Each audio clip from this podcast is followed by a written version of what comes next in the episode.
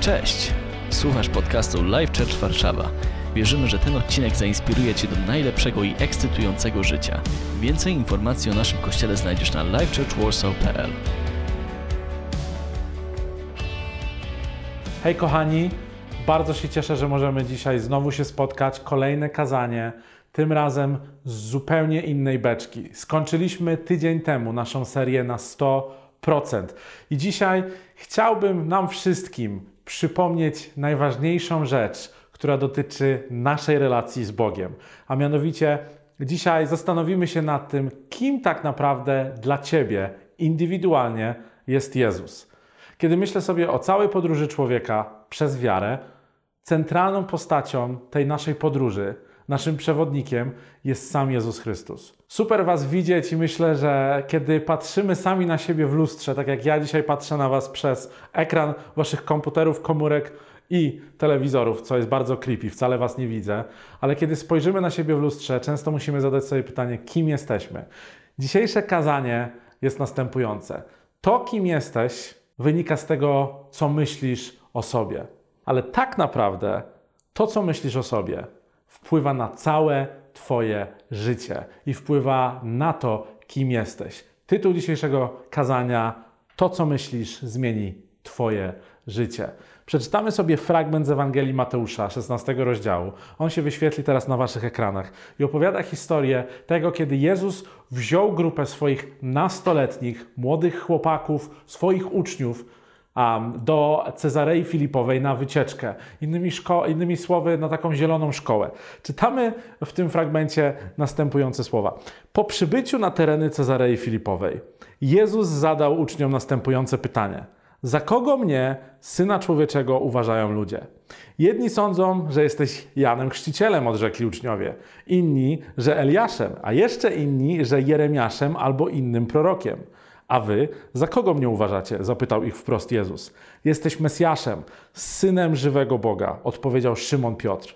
Szczęśliwy jesteś, Szymonie, synu Jana, odrzekł mu Jezus, bo nie doszedłeś do tego ludzkim rozumowaniem, ale objawił ci to mój Ojciec w niebie. Dlatego mówię ci, ty jesteś Piotr, skała, i na tej skale zbuduję mój kościół, a bramy piekła nie powstrzymają go. I dam ci klucze do Królestwa Niebieskiego. Cokolwiek postanowisz na ziemi, będzie postanowione w niebie, a co, rozstrzygniesz na ziemi, będzie rozstrzygnięte w niebie. Nakazał jednak uczniom, aby nikomu nie mówili, że jest Mesjaszem. Wszystkie słowa, ok, wszystkie słowa, zdania, fragmenty, całe wersety, które możemy znaleźć w Biblii, wszystkie obietnice, o których mówiliśmy przez ostatnie tygodnie tutaj w Live Church Warsaw, one nie są jednorazowe. One są nie tylko aktualne wtedy, kiedy były spisane, albo kiedy były wypowiedziane na głos przez Jezusa, albo przez apostołów, albo przez samego Boga, albo przez wszystkie postacie ze Starego Testamentu, ale wszystkie te słowa, wersety i obietnice są aktualne dzisiaj. Te słowa i obietnice proroctwa, one są schematami dla naszego funkcjonowania. Mało tego, wierzymy mocno w to, jako Kościół, wierzymy mocno w to, jako ludzie, którzy naśladują Chrystusa, że wszystkie słowa, które zostawił nam Jezus, są schematami, które pomogą pomogą nam zmienić nasze myślenie. A wiemy, że to, co myślimy, jest w stanie wpłynąć na naszą teraźniejszość i na naszą przyszłość. Wyobraź sobie bardzo ważną rzecz. Bóg chce, żebyś myślał dobrze o Nim, dobrze o sobie, dlatego że rzeczy, które tak naprawdę mają wpływ na Twoje myślenie, będą miały wpływ na to, gdzie pójdziesz i co zrobisz. Myślenie dobrze o sobie i myślenie dobrze o Bogu nie oznacza, że tak znam Go, jest wspaniałą osobą, ale myślenie dobrze i myślenie dobrze o sobie i o Bogu oznacza myślę tak, jak mówi mi prawda, myślę tak, jak powinno być. Nie myślę tak, jak mówią mi inni ludzie albo tak jak przyzwyczaiłem się do tego, że jest w świecie. Nie możesz być blisko z Bogiem, jeżeli nie wiesz jednej rzeczy. Musisz wiedzieć, kim Bóg jest dla ciebie. Wiemy z Biblii, że Bóg jest miłością. I chcę, żebyś o tym wiedział. Bóg chce, żebyśmy pamiętali o tym, że Bóg jest miłością. Mało tego, Bóg chce, żebyśmy wiedzieli, że jest miłością, bo w swoim słowie mówi nam, że doskonała miłość przegania wszelki strach. Wszystkie obietnice, o których mówiliśmy w naszej ostatniej serii kazań, wszystkie rzeczy, które możemy znaleźć w Chrystusie, one pokazują nam, że możemy być wolni od strachu. Strach jest w stanie rozproszyć nasze rozczarowania życiowe. Strach jest w stanie zniszczyć wszystko to, na czym chcemy budować nasze życie ale strach też ma tą niesamowitą zdolność manipulacji naszym myśleniem. Bóg chce, żebyśmy mieli doskonałą miłość w Nim, po to, żebyśmy byli wolni od rozczarowań i wolni od strachu. Strach sprawia, że nie rozumiemy do końca, kim jesteśmy, a to jest jedna z najgorszych rzeczy ever w życiu. Czy kiedykolwiek się bałeś? Czy kiedykolwiek byłeś przelękniony albo ogarnęła cię panika? Ja mam taką historię ze swojego życia, kiedy byłem dwudziestoparoletnim chłopakiem i pamiętam razem z Igą, kiedy byliśmy młodym małżeństwem, a miałem przed sobą widmo utraty pracy, miałem na sobie widmo utrzymania rodziny z jednej pensji, a w tamtych czasach moja rodzina wyglądała, moja sytuacja rodzinna wyglądała zupełnie inaczej niż teraz, kiedy mieszkam po prostu z Igą jako małżeństwo. Mieliśmy też wtedy pod swoją opieką naszą, a, y, moją e, szwagierkę, a siostrę Igi i w tamtych czasach okazało się, że moja cudowna szwagierka niestety została zostawiona przez swojego partnera życiowego i była w ciąży a, któryś tam miesiąc.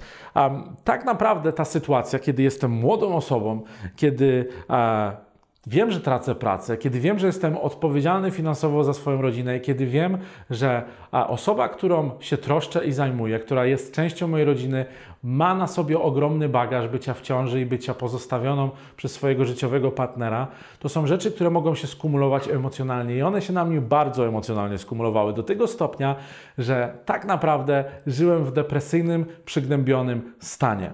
Pamiętam, że udałem się do lekarza e, po to, żeby wziąć zwolnienie i tak skończącej się już pracy w moim życiu, e, po to, żeby pozostać w domu ze swoimi myślami miałem taki plan, że będę siedział na kanapie i będę się dołował i być może Bóg mi pomoże, a może mi nie pomoże, dlatego że moja wiara w tamtym czasie była bardzo zależna od okoliczności, które się działy. Mm, pamiętam, że poszedłem do tego lekarza i okazało się, że kiedy wszedłem do gabinetu, lekarz, mało tego, że był Nigeryjczykiem, mówił świetnie po polsku. Byłem bardzo zaskoczony tą kombinacją. E, wydawała mi się na początku abstrakcyjna, a po drugie nie mogłem uwierzyć własnym oczom. Usiadłem na fotelu naprzeciwko samego lekarza, a lekarz e, piękną polszczyzną powiedział do mnie: Witam, nazywam się dr Esang. Urodziłem się w Nigerii, ale studiowałem medycynę na Uniwersytecie Jagiellońskim. Bardzo zabawna historia, tym bardziej, że e, ta rzecz i ta historia wydarzyła się w Wielkiej Brytanii. Nigeryjski lekarz, który mówi po polsku, spotkany w centrum samej Anglii, było dość abstrakcyjną rzeczą. Ale co się stało? Powiedziałem mojemu lekarzowi, że czuję się beznadziejnie i chciałbym uzyskać kilka tygodni zwolnienia z pracy, która i tak się kończy, dlatego że na mojej głowie jest ogrom presji związany z tym, że chcę utrzymywać i muszę utrzymywać swoją studiującą wtedy na pełen etat żonę i moją szwagierkę, która jest w ciąży z małym dzieckiem. E, powiedziałem mu te słowa i powiedziałem mu, jaki mam plan, a on powiedział, nie potrzebujesz teraz relaksu, potrzebujesz przyjść do Boga i Mu zaufać. Ze swojej szuflady lekarskiego biurka wyciągnął Biblię, otworzył ją na fragmencie Izajasza 43, drugim rozdziale. Pamiętam to do dzisiaj i przeczytał mi te słowa na głos pięknie po polsku. Gdy pójdziesz przez wodę, ja będę z tobą. I gdy przez rzeki, nie zatopię cię. Gdy pójdziesz przez ogień, nie spalisz się i nie strawi cię płomień. Skąd lekarz, który ma mi przepisać pigułki, wiedział, czego będę potrzebował? On nie wiedział, ale Bóg doskonale wie, czego potrzebujemy, dlatego że zna nas bardzo dobrze, zna naszą sytuację i dlatego chce, żebyśmy poznali Jego samego lepiej. Tak ważne jest to, żebyśmy wiedzieli, kim jest Bóg, bo świadomość tego, że wiemy, kim jest Bóg, wpłynie na nasze myślenie. Zanim dokończę Wam tą historię o lekarzu, zanim dokończę Wam tą historię, co się stało potem w moim życiu, chcę wrócić do historii z Cezarei Filipowej, kiedy Jezus zapytał się uczniów, co myślą, kim jest On sam. Szymon, Szymon Piotr, Piotr, apostoł Piotr, młody apostoł Piotr. Kocham go za to, że on zawsze myśli z otwartymi ustami. To znaczy, mówi najpierw, a potem dopiero pomyśli. I w tej samej sytuacji, w której znaleźliśmy apostołów, znalazł się też e, sam Piotr, który od razu powiedział: Jezu, dla mnie jesteś Mesjaszem. A Jezus mu odpowiedział: Wiem, że nie krew i ciało, czyli nie to, co ludzkie i nie to, co jesteśmy w stanie zdobyć naszą ogólną wiedzą, ale wiem, że sam Bóg poprzez ducha objawił ci to, że jestem kimś więcej niż tylko człowiekiem i kimś więcej niż tylko nauczycielem. Jestem Mesjaszem. Świadomość tego, że Jezus w Twoim życiu jest kimś więcej niż tylko dobrym człowiekiem, prorokiem, Mesjaszem albo mądrym człowiekiem, jest zbawcą i jest synem Boga, może zmienić wszystko. Może zmienić, jak to się mówi dzisiaj, cały plan gry. Jezus zaprowadza uczniów na wycieczkę. Bierze ich do Cezarei Filipowej. W tamtych czasach Cezarea Filipowa była miejscem kultu, okultyzmu, a przeprowadza ich do Cezarei Filipowej i stawia ich w miejscu, które sam nazywa e, bramą piekieł, bramą do Hadesu. Region Cezarei Filipowej w tamtych czasach słynął e, z tego, że był bardzo niezwykłym miejscem. Mianowicie było, taką, e, było to taką mieścina jak Koszalin, albo e, Bystrzyca Kłodzka, albo jakiś Gąsocin. Było to miejsce, do którego ludzie zjeżdżali się z całego Izraela i z całej Palestyny po to, żeby oddawać fałszywemu Bogu ofiary. Okay? Składali te ofiary ze zwierząt, jeżeli nie było ich stać na zwierzęta, składali ofiary z owoców. W najbardziej ekstremalnych sytuacjach składali ofiary z małych dzieci. Powiem Wam, jak to wyglądało. To była jaskinia wyryta w skale, do której przychodziły całe wycieczki. Ogromna jaskinia, z której bardzo śmierdziało wszystkimi złożonymi ofiarami.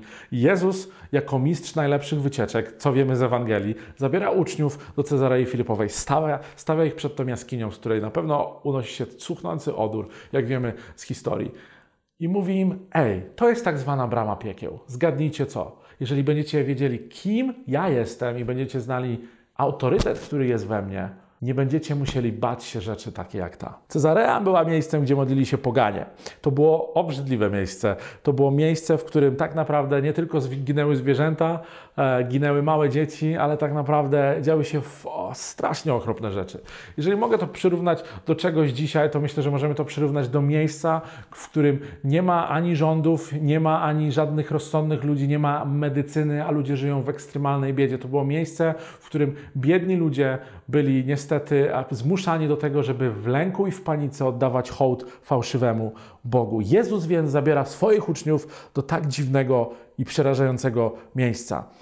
Rzymianie i Grecy wierzyli, że w tym mieście i w tej jaskini mieści się brama do samych piekieł, która schodzi na dno ziemi. Um, wierzyli, że w tej jaskini mieszkają bogowie Hadesu. Była masa różnych fałszywych wierzeń na temat jednego miejsca, którego nikt tak naprawdę nie chciał badać. Więc Jezus zabiera ich do tego miejsca tylko po to, żeby pokazać bardzo ważną rzecz na swój temat. Wszystko, co tam się dzieje w tej sytuacji, kiedy Jezus, Jezus bierze grupę swoich apostołów, młodych chłopaków, wisi na włosku na tym jednym zdaniu, na tym jednym słowie, które, jak wiemy, wypowiedział Piotr. Nastolatkowie przyprowadzeni do najciemniejszego miejsca w całym Izraelu. Jezus wziął ich tam, do tego najciemniejszego miejsca, po to, żeby zmienić ich myślenie. Czy możesz sobie przypomnieć albo wyobrazić sytuację, w którym znalazłeś się w bardzo nieprzyjaznym, ciemnym miejscu? I chcę Ci powiedzieć, Biblia mówi nam, że żyjemy w czasie łaski. Nie żyjemy tylko w roku łaski, ale Biblia naucza nas, że wszystko, co mamy dzięki Chrystusowi, to czas łaski. Wszystkie rzeczy, które dzieją się dla naszego życia, nie są karą Bożą, bo cała kara Boża została zrealizowana w śmierci i zmartwychwstaniu Jezusa. Dzisiaj cokolwiek nas spotyka, ma być dla nas lekcją. Wyobraź sobie dzisiaj, że Twoje ciężkie doświadczenie, rzeczy, przez które teraz przechodzisz, są po to, żeby Bóg mógł pomóc Ci zmienić Twoje myślenie na lepsze. To jest niesamowite, dlatego że wszystko to, o czym myślisz, jest w stanie zmienić całe Twoje życie. Bóg w postaci Chrystusa przyprowadza swoich uczniów po to, żeby zmienić ich myślenie na zawsze do najbardziej obrzydliwego i trudnego miejsca na świecie. Jezus wybrał samych nastolatków na swoich uczniów. Ewangelie pokazują nam różne datowanie wieku apostołów, ale wiemy, że to byli młodzi ludzie w wieku od 15 do 20 kilku lat. Nauczyciel wybrał sobie tych uczniów, ok? Ja nie mam dobrych wspomnień, jeżeli chodzi o większość nauczycieli w moim życiu, dlatego że większość nauczycieli w moim życiu, ponieważ byłem bardzo osobliwą postacią, uważało często, że nie jestem zbyt inteligentny, nie jestem w stanie być lepszy w wielu dziedzinach, szczególnie jeżeli chodzi o nauki ścisłe, a przez co nauki ścisłe definiowały mnie całego, jeżeli chodzi o mój obraz podstawówki i mojej szkoły średniej. A mówili mi często, że nie rozumiem tego, co się do nich mówi. Pamiętam, że czułem się jak wielkie rozczarowanie. I myślę, że wielu apostołów, który, którzy poszli za Jezusem wtedy, też czuli się jak wielkie rozczarowanie. Ale zgadnijcie co? Dobry nauczyciel wybrał swoich uczniów, mimo tego, jakie łatki przylepili na nich ludzie w ich wioskach, w ich miastach, jakie łatki przylepili na nich ich własni rodzice albo rodzeństwo. Uczniowie to nie byli wielcy ojcowie wiary, to byli ludzie tacy jak my w procesie, niedoskonali, szukający, często zalęknieni okolicznościami i sytuacją nie byli też ludźmi po przejściach z wielką mądrością. Uczniowie to byli często tacy ludzie w procesie jak ja i ty. Co było bardzo specyficzne dla tamtego momentu, w którym e, znaleźliśmy się teraz w Cezarei Filipowej razem z uczniami Jezusem, to w tamtych czasach uczeń musiał wybrać nauczyciela. Jeżeli uczeń wybierał nauczyciela, tak jak dzisiaj uczniowie wybierają szkoły, do których chcą i czekają, aż szkoły ich zaakceptują, Jezus zrobił zupełnie coś kontrkulturowego. Wyobraź sobie, że dostajesz list z Hogwartu, tak jak Harry Potter. Albo wyobraź sobie, że szkoła, wymarzona szkoła, wymarzone liceum, technikum, wymarzony uniwersytet, e, wymarzona podstawówka albo przedszkole dla Twojego dziecka pisze list i mówią: Chcemy Twoje dziecko w naszej szkole. Czy to byłoby niesamowite? Byłoby niesamowite i byłoby wręcz zaskakująco cudowne, gdyby szkoła powiedziała: Nie znamy Twojego dziecka, ale widzimy w nim potencjał, chcemy je w naszej szkole. To samo zrobił Jezus, co było złamaniem wszelkich standardów kultury. Przyszedł do chłopaków, którzy byli odrzuceni przez społeczeństwo i powiedział: Chcę Ciebie, chcę Ciebie i chcę Ciebie na mojego ucznia. Piękna historia, ale dlaczego Jezus to zrobił? Jezus zrobił tak, dlatego że chciał nas nauczyć lekcji o, lekcji o akceptacji i potencjale, który w nas drzemie. Jezus wybrał uczniów. W ten sam sposób duchowa lekcja dla nas dzisiaj jest następująca. Jezus też wybrał Ciebie, zanim Ty wybrałeś Go. Jezus wybrał Ciebie, dlatego że wie, że mimo, że okoliczności mogą być niesprzyjające i że okoliczności ukształtowały Cię w jakiś konkretny sposób, Jego plan dla Ciebie i Boży potencjał zasadzony w Tobie jest o wiele lepszy niż to, co Ty sam widzisz w sobie albo co widzą inni ludzie w Tobie. Jezus mówi do swoich uczniów: chodź za mną. Jezus mówi do Ciebie: chodź za mną. Powiedział do wszystkich chłopaków: chodźcie za mną. Zapraszam Was w podróż. Innymi słowy, Jezus w praktyce usposabia to, o czym mówił wcześniej. Ja jestem droga i zabieram Was w podróż po tej drodze, którą sam jestem. W tamtych czasach, uwaga, jeśli przyprowadziłbyś 15-latka, 20-parolatka do miejsca zwanego bramą piekieł, na pewno policja albo jakiś odpowiedni urząd zająłby się tobą jako nauczycielem. Na pewno nie mógłbyś tego opublikować w mediach socjalnych. W tamtych czasach nie było mediów socjalnych, ale to, co zrobił Jezus, było ekstremalnie dziwne i trudne. Ale Jezus wybrał ekstremalną lekcję, dlatego że ekstremalne lekcje w Twoim i w moim życiu uczą nas najwięcej. Sprawiają, że czasami mamy całe przesunięcie paradygmatu i zasad w naszej głowie, w naszym sercu, po to, żebyśmy mogli znaleźć się w lepszym miejscu i żebyśmy nie musieli popełniać tych samych błędów w naszym myśleniu. Jezus zadaje uczniom pytanie, kim jestem? Jezus zadaje nam to samo pytanie dzisiaj. Kim jestem dla Ciebie? Jako Jezus Chrystus. Jeżeli odpowiesz, że Jezus jest Chrystusem, Synem Boga, jest Zbawcą, odpowiesz dobrze. Ale co to tak naprawdę znaczy? Kiedy mówimy, kim jest Jezus, często mówimy z miejsca naszego komfortu. Ale ważne jest to, żebyśmy mówili też w miejscu naszego stresu i w miejscu naszego niepowodzenia, kim jest Jezus. I ważne jest to, żeby Jezus był tą samą osobą non-stop. Jezus ma ponad 200 imion. Każde wyznanie wiary, nasze personalne wyznanie wiary, musi polegać na tym, żebyśmy wierzyli i wiedzieli, kim jest Jezus. Nie wiem, w jakiej sytuacji dzisiaj jesteś, ale na pewno jakieś imię Jezusa może być Twoim personalnym wyznaniem wiary. Kim potrzebujesz, żeby Jezus stał się dla Ciebie dzisiaj? Jezus ma imię głowa Kościoła. Być może dzisiaj jesteś pastorem albo osobą, która prowadzi Kościół i może potrzebujesz przyjść do głowy Kościoła, żeby pomógł Ci znaleźć mądrość, znaleźć pokój i znaleźć kierunek, w którym możesz iść razem ze swoim Kościołem. Może nie wiesz, jak coś się zaczęło i nie masz pojęcia, w jakim miejscu się znalazłeś do końca, albo nie wiesz, jak coś się skończy, może jesteś przepełniony lękiem i stresem, ale Biblia nadaje imię Jezusowi pierwszy i ostatni. To znaczy, że Jezus jest początkiem i końcem wielu aspektów w Twoim życiu. Możesz przyjść do Niego i zaufać Mu na temat swojej sytuacji. Jezus jest księciem pokoju, jest tym, który obdarza nas pokojem, jest źródłem naszego pokoju. Kiedy brakuje nam pokoju, nie musisz siedzieć na dywanie i medytować, nie musisz oddychać wolniej, żeby znaleźć pokój. Możesz przyjść do Jezusa i poprosić Go o pokój, bo On jest źródłem pokoju. Jezus, Jego imię to sędzia jest w stanie osądzić każdą złą sytuację w naszym życiu i obronić nas przed niesprawiedliwością. Jezus jest naszym przyjacielem, kiedy potrzebujemy przyjaciela. Jezus jest odwiecznym lekarzem, kiedy potrzebujemy uzdrowienia. Jezus to słowo, które czytasz, to chleb życia, który jest w stanie nakarmić naszą duszę. Jezus jest światłem, drogą i życiem. On jest Panem wszelkiej rzeczy. On jest barankiem i lwem, jak mówi pismo. On jest łagodny, kiedy potrzebujemy łagodności, i on jest w stanie stanąć w naszej obronie, kiedy potrzebujemy lwa, który jest agresywny i chroni.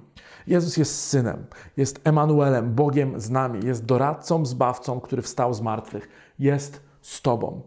Jest autorem i dokończycielem Twojej wiary.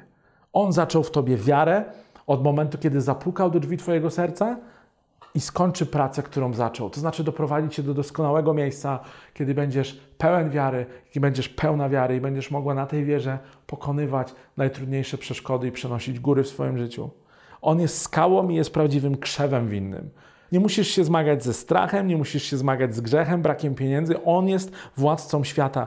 Większy jest ten, uwaga, który jest w tobie, niż ten, który jest w świecie, powiedział Jezus. Mówiąc do swoich uczniów, powiedział: Pamiętajcie, ja wam daję autorytet, jestem większy niż to, co się dzieje wokół nas. Więc kiedy chłopaki spojrzały na tą jaskinię, która nazywała się umownie bramą piekieł, Jezus powiedział im: Spójrzcie na tę bramę, a potem spójrzcie na mnie. Spójrzcie na tę bramę, a potem spójrzcie na mnie. W tamtych czasach edukacja polegała na zasadzie kontrastów. To jest czarne, to jest białe. Jezus używa tego fantastycznego modelu edukacji po to, żeby pokazać chłopakom aspekt tego, kim on jest. Jeżeli w Twoim życiu pojawi się brama piekieł, jeżeli w Twoim życiu pojawi się sytuacja, która będzie zapierała dech w Twoich piersiach i nie z zachwytu, ale z lęku, Pamiętaj, kim jestem. Pamiętaj, do kogo możesz się zwrócić. Wszystkie fałszywe strachy i nauki nie pokonają tego, kim ja jestem. Jeżeli zrozumiesz, że jest więcej w Tobie, mówi Jezus, rozczarowania będą mikroskopijną częścią Twojego życia. Jakie wyzwanie dzisiaj masz w swoim życiu, któremu nie jesteś w stanie sprostać? Zawsze mnie zastanawiało to, jak dużą stylówę, jak duży poziom pokoju i mądrości ma Jezus, skoro przyprowadza uczniów do miejsca tak strasznego kultu i mówi im: Widzicie to, chłopaki? To jest nic. Ta brama piekieł, którą tak wszyscy się trzęsą i której wszyscy się tak boją, jest niczym w porównaniu mocy, którą macie, we mnie, autorytetu, który macie we mnie. Jezus mówi: Ja jestem skałą. Po tej historii wiemy, że Jezus idzie do Jerozolimy i mówi faryzeuszom, że on jest w stanie odbudować świątynię i on jest w stanie pokonać śmierć. Pyta się uczniów: Kim dla was jestem? Co jestem w stanie dla was zrobić? Jak myślicie w swojej głowie na temat tego, kim jest Bóg? Jezus mówi o swoim autorytecie i mówi o tym, że ten autorytet, który On ma, który dostał prosto od Boga do tego, żeby definiować rzeczywistość, daje nam. Daje Tobie i mnie dzisiaj. To tak jak miałbyś swoją ulubioną czapkę i tą czapkę ze swoim imieniem i nazwiskiem albo czapką swojej ulubionej drużyny przekazałbyś osobie, która bardzo chce tą czapkę. Tak samo wygląda przekazanie autorytetu. Jezus przekazuje autorytet każdemu, kto potrzebuje każdemu, kto wierzy, że Jezus jest autorytetem. Jezus mówi, że cokolwiek zwiążemy lub rozwiążemy, zrobimy to w autorytecie Jezusa tutaj na ziemi i tak się stanie. Mamy ten sam autorytet do życia. Mamy iść na cały świat i całym tym autorytetem ten świat zmieniać, nawet swój własny świat i swoje własne okoliczności. Wiecie, ja przez całe lata dwudzieste nie zdawałem sobie sprawy z tego, że mam autorytet w Jezusie. Ta historia z nigeryjskim lekarzem kończy się w następujący sposób. Kiedy zrozumiałem, że Bóg ma większy plan niż mój lęk i moje okoliczności. Kiedy wróciłem do domu, kiedy zrozumiałem, że dostałem zwolnienie od lekarza, bo lekarz wypisał mi zwolnienie nie na parę tygodni, tak jak go prosiłem, ale dosłownie na sześć tygodni, po to, żebym mógł w ostatnie półtorej miesiąca posiedzieć w domu i przyjść do Boga. Powiedział mi, kiedy wrócisz do domu i dam ci e, zwolnienie, chcę, żebyś zaczął modlić się i pościć o to, żeby Bóg pokazał ci, co może zrobić w Twoim życiu po to, żeby dał Ci odwagę i dał Ci autorytet do tego, żebyś mógł zmiażdżyć to, co diabeł próbuje strachem zrobić w Twojej rodzinie, dla Twojej szwagierki i czym próbuje zastraszyć Ciebie samego. I tak się stało. Przez sześć tygodni szukałem Jezusa i autorytetu w Jego słowie, w czytaniu, modliłem się, pościłem, Szukałem różnych rozwiązań na to, żeby Bóg do mnie mówił i najlepszym rozwiązaniem było siedzenie faktycznie na kanapie, ale nie po to, żeby się dołować, ale po to, żeby zmienić swoje myślenie i karmić się Słowem. I pamiętam, że w tym czasie mówiłem, Boże, wiem, że jesteś w stanie napełnić mnie wiarą i Bóg napełniał mnie wiarą. I czytałem rzeczy o tym, że nie jestem w stanie przejść przez morze i utonąć i nie jestem w stanie przejść przez ogień i spłonąć i wiedziałem, że Bóg jest ze mną. I przez te wszystkie elementy wiary, które we mnie rosły, zacząłem modlić się o to, żeby dostać pracę od razu po pracy, o to, żeby być w stanie utrzymać swoją rodzinę i o to, żeby móc w stanie utrzymać swoją szwagierkę, która była w ciąży. Zgadnijcie co? Po sześciu, a po, dokładnie po sześciu i pół tygodniach miałem rozmowę kwalifikacyjną, na której dostałem pracę, która była trzy razy bardziej lepiej opłacana niż poprzednia praca. Mało tego, byłem w stanie wzbudować swoją wiarę dzięki temu, że uwierzyłem Słowu i uwierzyłem w autorytet Chrystusa, który był w stanie zmienić rzeczywistość wokół mnie. Bóg odpowiedział na moje modlitwy w sytuacji bardzo niemożliwej. Nie zdawałem sobie sprawy z tego, co mówi nauczyciel Jezus Chrystus o tym, co jest prawdą. Wierzę dzisiaj, że Jezus jest Panem i jest moim autorytetem. I wierzę, że jest w stanie to samo pokazać dzisiaj Tobie. Czy jesteś w stanie zobaczyć w sobie potencjał, który zrodzi się w tobie, kiedy zmienisz myślenie, kiedy zaczniesz karmić się słowem zamiast karmić się opinią innych ludzi, patrzeć na Jezusa zamiast patrzeć na swoje okoliczności.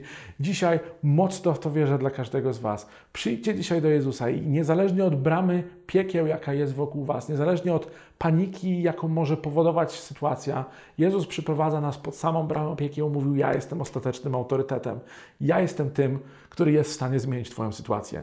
Co myślisz, kim jestem? Co myślisz, kim jestem? Pyta się Ciebie Jezus dzisiaj.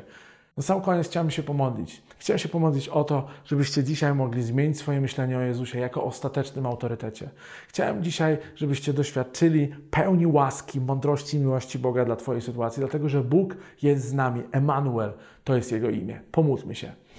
Panie Jezu, dzisiaj modlę się o każdą osobę, która ogląda nas. Panie, modlę się o każdą osobę, która dzisiaj posłuchała tego słowa i modlę się o to, żebyś stał się ostatecznym autorytetem ponad lękiem, ponad paniką i ponad strachem. Dzisiaj, Panie, przyprowadzamy każdą okoliczność i chcemy, żeby to nie okoliczności, ale Ty sam kształtował naszą tożsamość. Wiemy, że jesteśmy Twoimi dziećmi, wiemy, że to Ty nas wybrałeś, więc chcemy, żebyś Ty nas kształtował i uczył nas tego, że mamy czerpać z Twojego autorytetu i być odważni, bo Twoje obietnice się nie zmieniają, a Twój charakter pozostaje taki sam. Ty jesteś taki sam na wieki wieków. Amen. Dzisiaj, Boże, pokaż nam, że jesteś po naszej stronie. Przypomnij nam swój autorytet. I Panie, daj nam uwierzyć, że możemy dzisiaj pokonać każdą bramę piekieł w swoim życiu. O to Cię proszę w Twoim imieniu, Jezu. Amen. To tyle na dzisiaj. Dziękuję, że byliście z nami. Wierzę, że to była niesamowicie inspirująca niedziela. Do zobaczenia. Mamy nadzieję, że ten odcinek Cię zainspirował. Kolejne odcinki ukazują się co tydzień. Pamiętaj, że możesz odwiedzić nas w każdą niedzielę, a więcej informacji o naszym kościele znajdziesz na livechurchwarsaw.pl.